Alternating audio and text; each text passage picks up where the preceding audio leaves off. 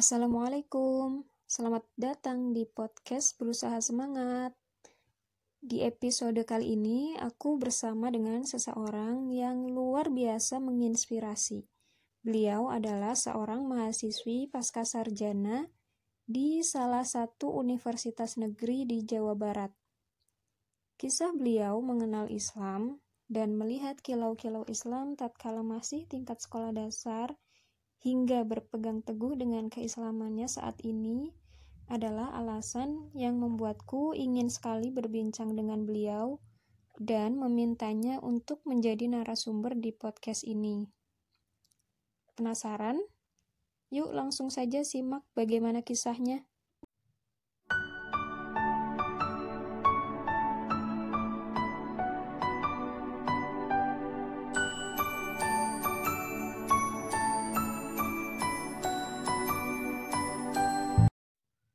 Bahkan uh, dari apa masuk Islam itu eh Islam itu bukan dari lahir ya hmm. bukan dari lahir ya, nah berarti keluarga keluarga Mbak Anis itu non Muslim kalau keluarga ibu hmm. non Muslim hmm. hanya satu keluarga dari paman yang Muslim kalau keluarga ayah sebagian besarnya Muslim hmm. cuma ayah pas SMA beliau keluar dari Islam oh gitu ya, karena betul. nikah sama ibu mm, enggak karena waktu itu dapat uh, semacam beasiswa gitu ya -uh. dari lembaga non muslim lah -uh. nah dari situ disekolahkannya di sekolah SMA non muslim oh akhirnya masuk ke agama agama lain. Hmm. nah dari situlah uh, apa ya setelah kemudian beliau nikah ya dengan ibu yang juga non muslim mm-hmm. kita anak-anaknya ikut agama orang tua semua. Oh mbak itu berapa bersaudara sih? Empat bersaudara. Empat. Anak ke? Satu. Oh anak pertama. Terus uh, kayak mulai tahu gitu tentang Islam kayak mulai tertarik dengan Islam tuh mulai kapan mbak awal tertarik dengan Islam itu adalah ketika SD karena waktu itu um, mbak sekolah di SD umum kan ya dan di SD umum itu praktis hanya dua orang mahasiswa non muslim misalnya hmm. muslim hmm. dan tidak ada guru agama non muslim hmm. kemudian guru agama Islam itu uh, membebaskan gitu ya murid-murid yang non muslim itu ikut mendengarkan pelajaran agama Islam atau keluar dari kelas main terserah gitu kan hmm.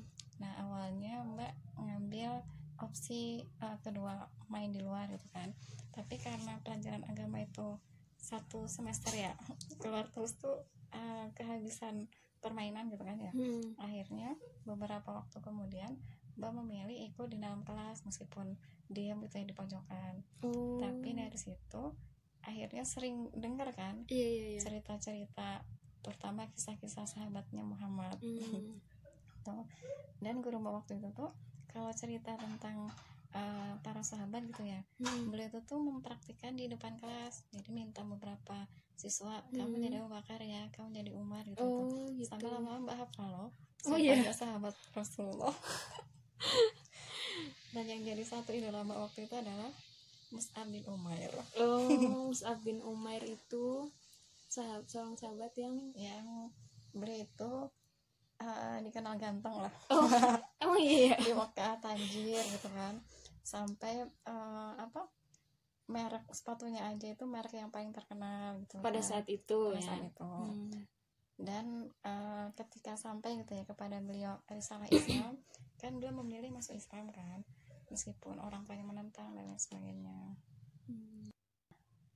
jadi Mus'ab bin Umair itu salah satu yang menginspirasi Mbak Mbak Anis yang menjadikan Mbak akhirnya kenal Islam mm. dari sosok para sahabat Rasulullah yang diceritakan oleh guru agama mm. meskipun nanti uh, sampai kelas 6 SD ya karena Mbak ikut pelajaran agama Islam kan makin banyak tuh uh, informasi ajaran Islam gitu ya yang akhirnya membuat Mbak itu tuh tergugah kok keren ya Islam gitu oh iya terus berarti dari situ ada ada apa namanya hmm, pengen deh kayak masuk Islam gitu mbak kayak Mm-mm. ada Mm-mm. sebenarnya ada banyak apa ya istilah mbak ya Eh, kilau-kilau Islam gitulah yang juga mbak lihat di sekolah mbak gitu ya. Kilau-kilau Islam meskipun meskipun sangat sederhana gitu ya. Kayak Eh, misalkan gini contohnya teman mbak yang muslim mm, apa pun aktivitas mereka mereka itu pasti eh, apa ya dilatih untuk menyebut nama Tuhannya. Iya iya. Dikit-dikit Bismillah gitu kan. Mm, iya, mau iya. makan ada doanya selesai makan ada doanya. Oh, iya, iya. masuk kamar mandi ada doanya keluar kamar mandi ada doanya.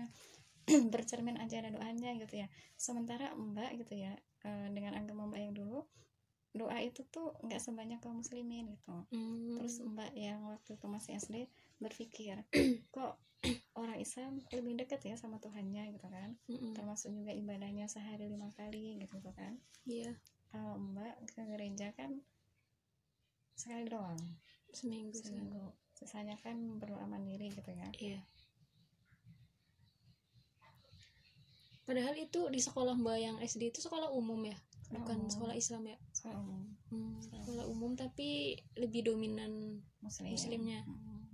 dan memang eh, guru-guru ya dan Mm. suasana sekolah itu tuh lingkungan sekolah itu tuh juga eh, apa ya mengkondisikan kita yang non muslim itu tuh dekat dengan Islam gitu kayak misalkan ketika teman-teman yang lain itu ada mabit Ramadan iya mbak sama teman mbak juga diajak gitu kan tapi nggak dipaksa sih boleh ikut boleh enggak Mm-mm. nah mbak waktu itu ikut kan Mm-mm. meskipun teman-teman pada taraweh kita nunggu di belakang. Mm-mm. tapi dari situ mbak bisa ngelihat oh gerakan yang khusyuk tuh yang kayak gimana? Itu yang situ tuh kakinya Oh. gerak-gerak gitu ya. Satu ya kayak satu yang kayaknya khusyuk masya allah gitu. Eh Ada masya allah ya? waktu itu belum tahu masya allah ya. yang bercanda Iya. bercanda. bercanda ya taruhnya kan berapa rakaat sebelas rakaat gitu ya.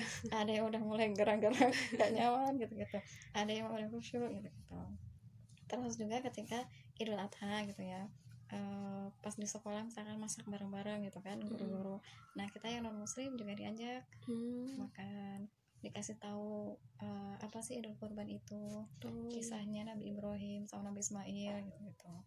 Nah karena sering gitu ya mendengar dan melihat gitu kan eh, kaum muslimin terutama di sekolah mbak dulu ada perasaan mbak pengen masuk Islam. Hmm, dan itu mulai membuncah gitu ya ketika mbak kelas 6 SD oh gitu. Ya dan dari situ kemudian mbak bertanya ke teman-teman mbak kan Mm-mm. gimana caranya masuk Islam? Oh gitu. Tanya teman sekelas. Sekelas. Oh, terus dijawabnya? Terus saya jawab cara masuk Islam itu simpel cuma dua syarat. Pertama membaca kalimat syahadat. Mm-mm. teman-teman nulisin kan pakai uh, tulisan Latin kan nah. karena mereka juga belum bisa nulis bahasa Arab. Oh, mbak juga bahasa Arabnya kan belum bisa baca. Iya. Tulis pakai tulisan Latin bisa cari kertas terus syarat yang kedua adalah uh, bersyahadatnya di hadapan saksi-saksi. Hmm, mbak tanya saksi-saksinya siapa? Teman-teman mbak uh, bilang harus dua orang saksi dari pihak keluarga. Iya. Tuh mbak menyisir keluarga mbak. Bapak ibu mbak kayaknya nggak mau deh Mm. kalau menjadi saksi gitu kan. Hmm, pasti akhirnya nggak mbak setuju ya. Nah pas pulang itu uh, ketemulah sama dua adik mbak yang baru TK waktu itu kan dua-duanya TK dua-duanya TK Oh, karena dua-duanya jaraknya cuma sebelasan bulan gitu. Lah Hmm, tuh. Eh yang teman belum sekolah ya waktu itu ya? Pokoknya yang dua orang yang paling kecil lah. Oh iya. Nah eh, terus mbak bilang ke mereka gitu ya nanya adik ini jadi saksi ya mbak mau bersyahadat mau masuk Islam ya terus ada adanya gimana reaksinya? Ya mereka diam aja lah. Eh ya. di wajah ini kakaknya mbak ngapain gitu? secari kertas. Berisi tulisan dua kalimat syahadat. Mbak baca. Terus mbak tanya adik-adik sah enggak gitu ya. Mereka langsung bilang aja sah sah gitu Eh, ya mungkin padahal- nggak tahu apa nggak maksudnya tahu. Ya padahal nggak tahu kan ya maksudnya Iya. akhirnya pas eh, di hari berikutnya ada pelajaran agama. Mm-mm. kalau sebelumnya kan mbak hanya dulu di belakang mendengarkan kan.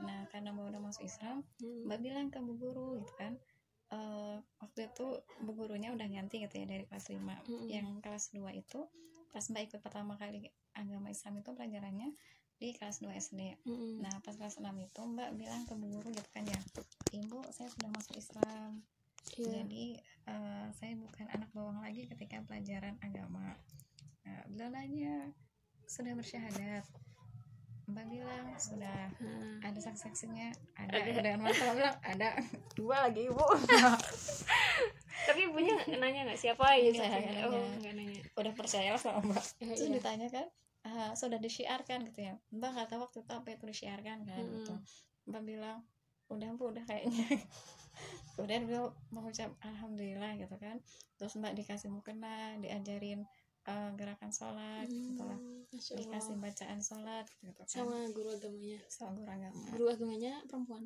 perempuan Hmm. nah sejak saat itulah mbak kemudian lebih serius gitu ya belajar agama di sekolah Hmm. berarti Tapi, waktu itu orang tua hmm. belum belum tahu ya tahu mbak kalau sholat di dalam kamar posisi pintunya ditutup dan mbak sholat di pintu jadi kalau Hmm. ada orang mau masuk mbak kaki mbak akan menutup pintunya Oh. meskipun dalam keadaan sholat. Oh gitu. Jadi oh jadi eh, sholatnya tuh membelakangi pintu ya? Mm, di di pintu. Terus kalau misalkan pintunya gerak kan kelihatan ya. Mm. karena waktu itu kan pintunya belum ada kunci khusus kan. Karena Mm. kamarnya masih bareng sama adik-adik. Kalau pintu tuh bergerak kaki mbak yang satunya langsung nutupin ke situ. Gitu. jadi awal-awal belum tahu kalau eh, mau masuk Islam. Oh, tapi lama-lama orang tua juga tahu oh lama-lama tahu dari siapa? Tahu. Ya kadang lihat mau pakai Oh. mukena. Oh pernah lihat. Pernah kepergok gitu pakai Pernah. pakai mukena. Mm, tapi eh, karena teman-teman mbak juga mayoritasnya kan muslim ya baik di Hmm. sekolah maupun di rumah orang tua mbak itu berasumsi mbak cuma ikut-ikutan. Hmm. nggak apa-apa mumpung eh, masih kecil juga kan paling ikut-ikutan. Mm-mm. nanti kalau udah gede bisa memutuskan sendiri gitu. Oh. Nah karena asumsinya mbak cuma ikut-ikutan doang tiap hari ahad mbak juga diajak ke gereja. Oh. Tapi itu pertarungan batin yang luar biasa. Dan ketika itu dalam- masih SD kan? Masih SD iya iya. masih SD nah pas dalam perjalanan gitu ya eh, ke gereja dalam hati tuh mbak beristighfar banyak-banyak. Karena kan di sekolah kan disebutkan gitu kan eh, bu guru pernah bilang bahwa kesyirikan itu kan menghapus pahala ya maka Iya. dosa besar kan. Mm-mm. padahal ke gereja itu menyembah siapa bukan Iya, Allah kan mm-mm. gitu. jadi mbak khawatir mbak melakukan aktivitas syirik setiap hari minggu Hmm. sholat mbak tiap hari jangan-jangan jangan ya Allah terima gitu ya kan Hmm. terus eh, itu kan posisinya orang orang tua masih menganggap Mbak Anis masih ikut-ikutan gitu ya Mm. terus tahu kayak yang apa namanya seiring berjalannya waktu ya maksudnya kayak Mbak Anis pasti nggak mau kayak gitu terus ya. Iya betul. terus ada ini nggak? Ada ada apa namanya? Ada kayak tindakan gitu maksudnya ngasih tahu orang tua. Ya jadi pertarungan batin seperti itu berlangsung sampai Mbak SMP. hmm, Jadi SMP ketika kelas? SMP kelas tiga. sampai SMP kelas tiga. Jadi eh, pas SMP itu di awal-awal gitu ya jadi siswa baru Mbak pernah dipanggil tuh sama guru kan gara-garanya Mbak ikut pelajaran agama Islam. Mm-mm. Mbak dipanggil sama wali Eh kelas bentar mbak Tapi SMP eh, Sekolahnya masih sekolah umum sekolah negeri. Oh negeri Mm-mm. Hmm. Mbak sekolahnya sekolah negeri terus. Oh di sekolah negeri gitu ya SMP mbak dipanggil tuh sama wali kelas intinya beliau itu tuh menyampaikan ke mbak kalau di sekolah itu tuh ada pelajaran agama untuk agama-agama selain muslim selain Islam gitu ya Mm-mm. nah kalau mbak eh, mau ikut belajar yang agama Katolik gitu kan ada kelasnya sendiri di kelas X gitu ya Mm-mm. Nah, kemudian Mbak sampaikan ke beliau, Ibu, saya tuh udah muslim, saya sudah bersyahadat sejak SD gitu kan.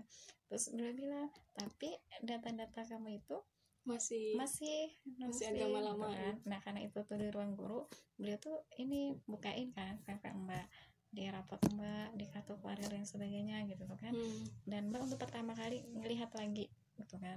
Terus waktu itu, Ibu saya pinjam pensil ya, Mbak coret agama itu, terus Mbak tulis Islam Oh gitu. itu Terus saya bilang, oh iya ya berarti belum diganti, ya bu belum diurus. nah akhirnya beliau eh, ngizinin ya karena mbak muslim ikut pelajaran agama Islam. Tuh.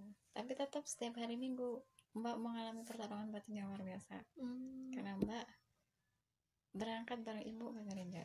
Berarti selama tiga tahun itu ya mbak Ya, Maksudnya masih Mm-mm. Masih ke gereja juga Tapi Mm-mm. sholat juga ya iya itu.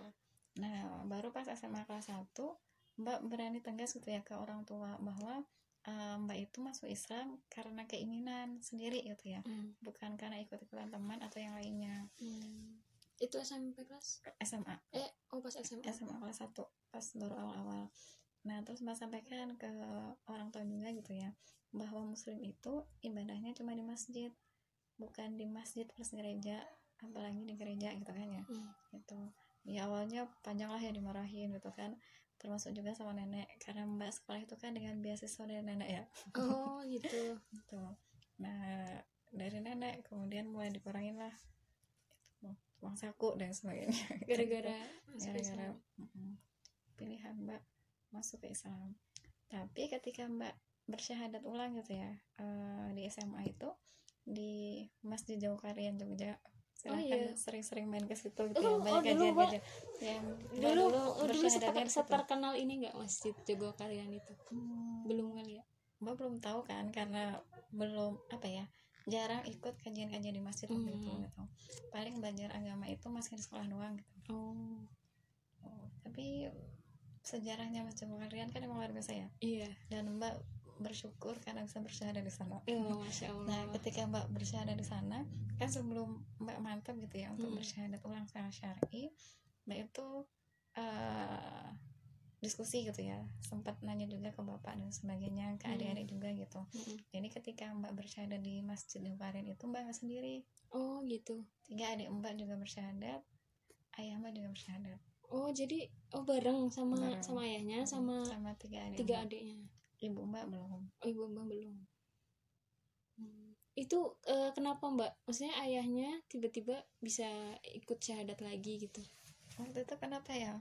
Mbak lupa. Tapi mm, mungkin setelah melihat gitu ya mbak akhirnya mantap gitu ya dengan Mm-mm. agama mbak.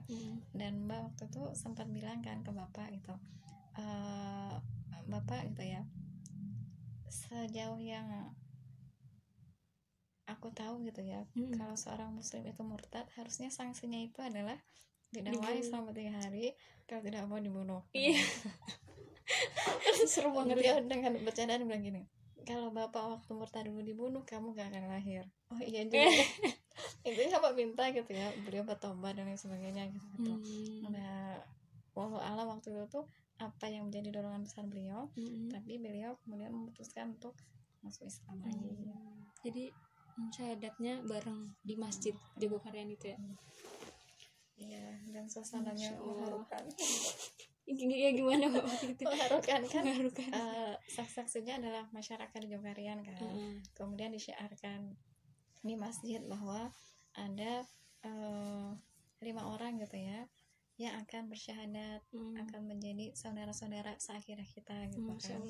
terus kita dituntun bersyahadat. Hmm. dan salah satu yang menuntun mbak bersyahadat itu ternyata adalah salah seorang guru agama di SMA mbak. Oh iya. Iya di SMA itu eh, apa namanya? Tidak disengaja. Nggak sengaja Hmm. mbak juga baru tahu kalau oh kok bapak ini? Gitu ya. Iya. Tuh. terus setelah bersyahadat kan ya begitulah ya dipeluk-peluk lah sama ibu-ibu tuh didoakan supaya istiqomah gitu gitu Hmm. Terus setelah itu berarti di keluarga Mbak eh, yang belum masuk Islam ibunya. Tapi eh, kondisinya maksudnya suasananya nggak yang konflik gitu ya atau Nggak. ada konflik gitu. alhamdulillahnya enggak Alhamdulillah enggak. Enggak konflik bahkan ketika mbak nantinya gitu ya setelah eh, mencari belajar mengkaji Islam kemudian mbak memahami pakaian syari itu yang seperti apa Hmm. ibu mbak yang justru mendukung duluan Oh gitu. Hmm. Itu eh, apa namanya tahu tentang pakaian syari pas pas kuliah semester 4 se- kuliah semester 4 Kuliahnya waktu itu di Jogja. Jogja Hmm. mbak orang Jogja ya Orang Jogja. Iya, jadi pas Mbak masuk Islam uh, bersyahadat lagi gitu ya secara syar'i, Mbak nggak otomatis menjadi muslimah yang taat gitu. Hmm. Mbak waktu itu belum pakai kerudung dan Mbak tipenya yang ketika ada orang yang mengingatkan Mbak, Mbak tuh sering ngeles dan ngayal duluan gitu. Oh gitu. Mm, kayak misalkan uh, ketika kita bersyahadat kan banyak saudara-saudara muslim yang pastinya kan pingin mengajak kita kepada ketaatan kan. Hmm. Nah banyak waktu itu teman-teman ahwat gitu ya di Rohis SMA Hmm. yang eh, menawari mbak yuk yuk ikut kajian yuk gitu kan Hmm. kita belajar bareng gitu gitu Hmm. sampai ada yang kemudian eh apa ya mengajari mbak gitu mendakwahi mbak bagaimana seharusnya seorang muslimah yang sudah balik itu Hmm. menutup auratnya kan Hmm. gitu tapi jawaban mbak waktu itu membuat mm, beliaunya speechless gitu jadi mbak bilang gini mbak coba lihat tuh teman-teman kita yang di sana tuh yang baru uh, main di halaman Hmm. sekolah gitu ya. Mereka itu muslimnya dari lahir. Dan katanya mereka belum siap pakai kerudung. Apalagi Anis yang baru kemarin bersyahadat Oh gitu, ngesnya. Iya maksudnya seperti gitu gitu loh. Itu nggak boleh dicontoh ya. Gitu. nah tapi nanti titik balik mbak gitu ya. Untuk eh, pingin belajar Islam secara lebih dalam itu adalah ketika mbak kuliah. Gitu. dan mulai terpantik berpikir untuk mengkaji Islam lebih dalam itu di awal semester 2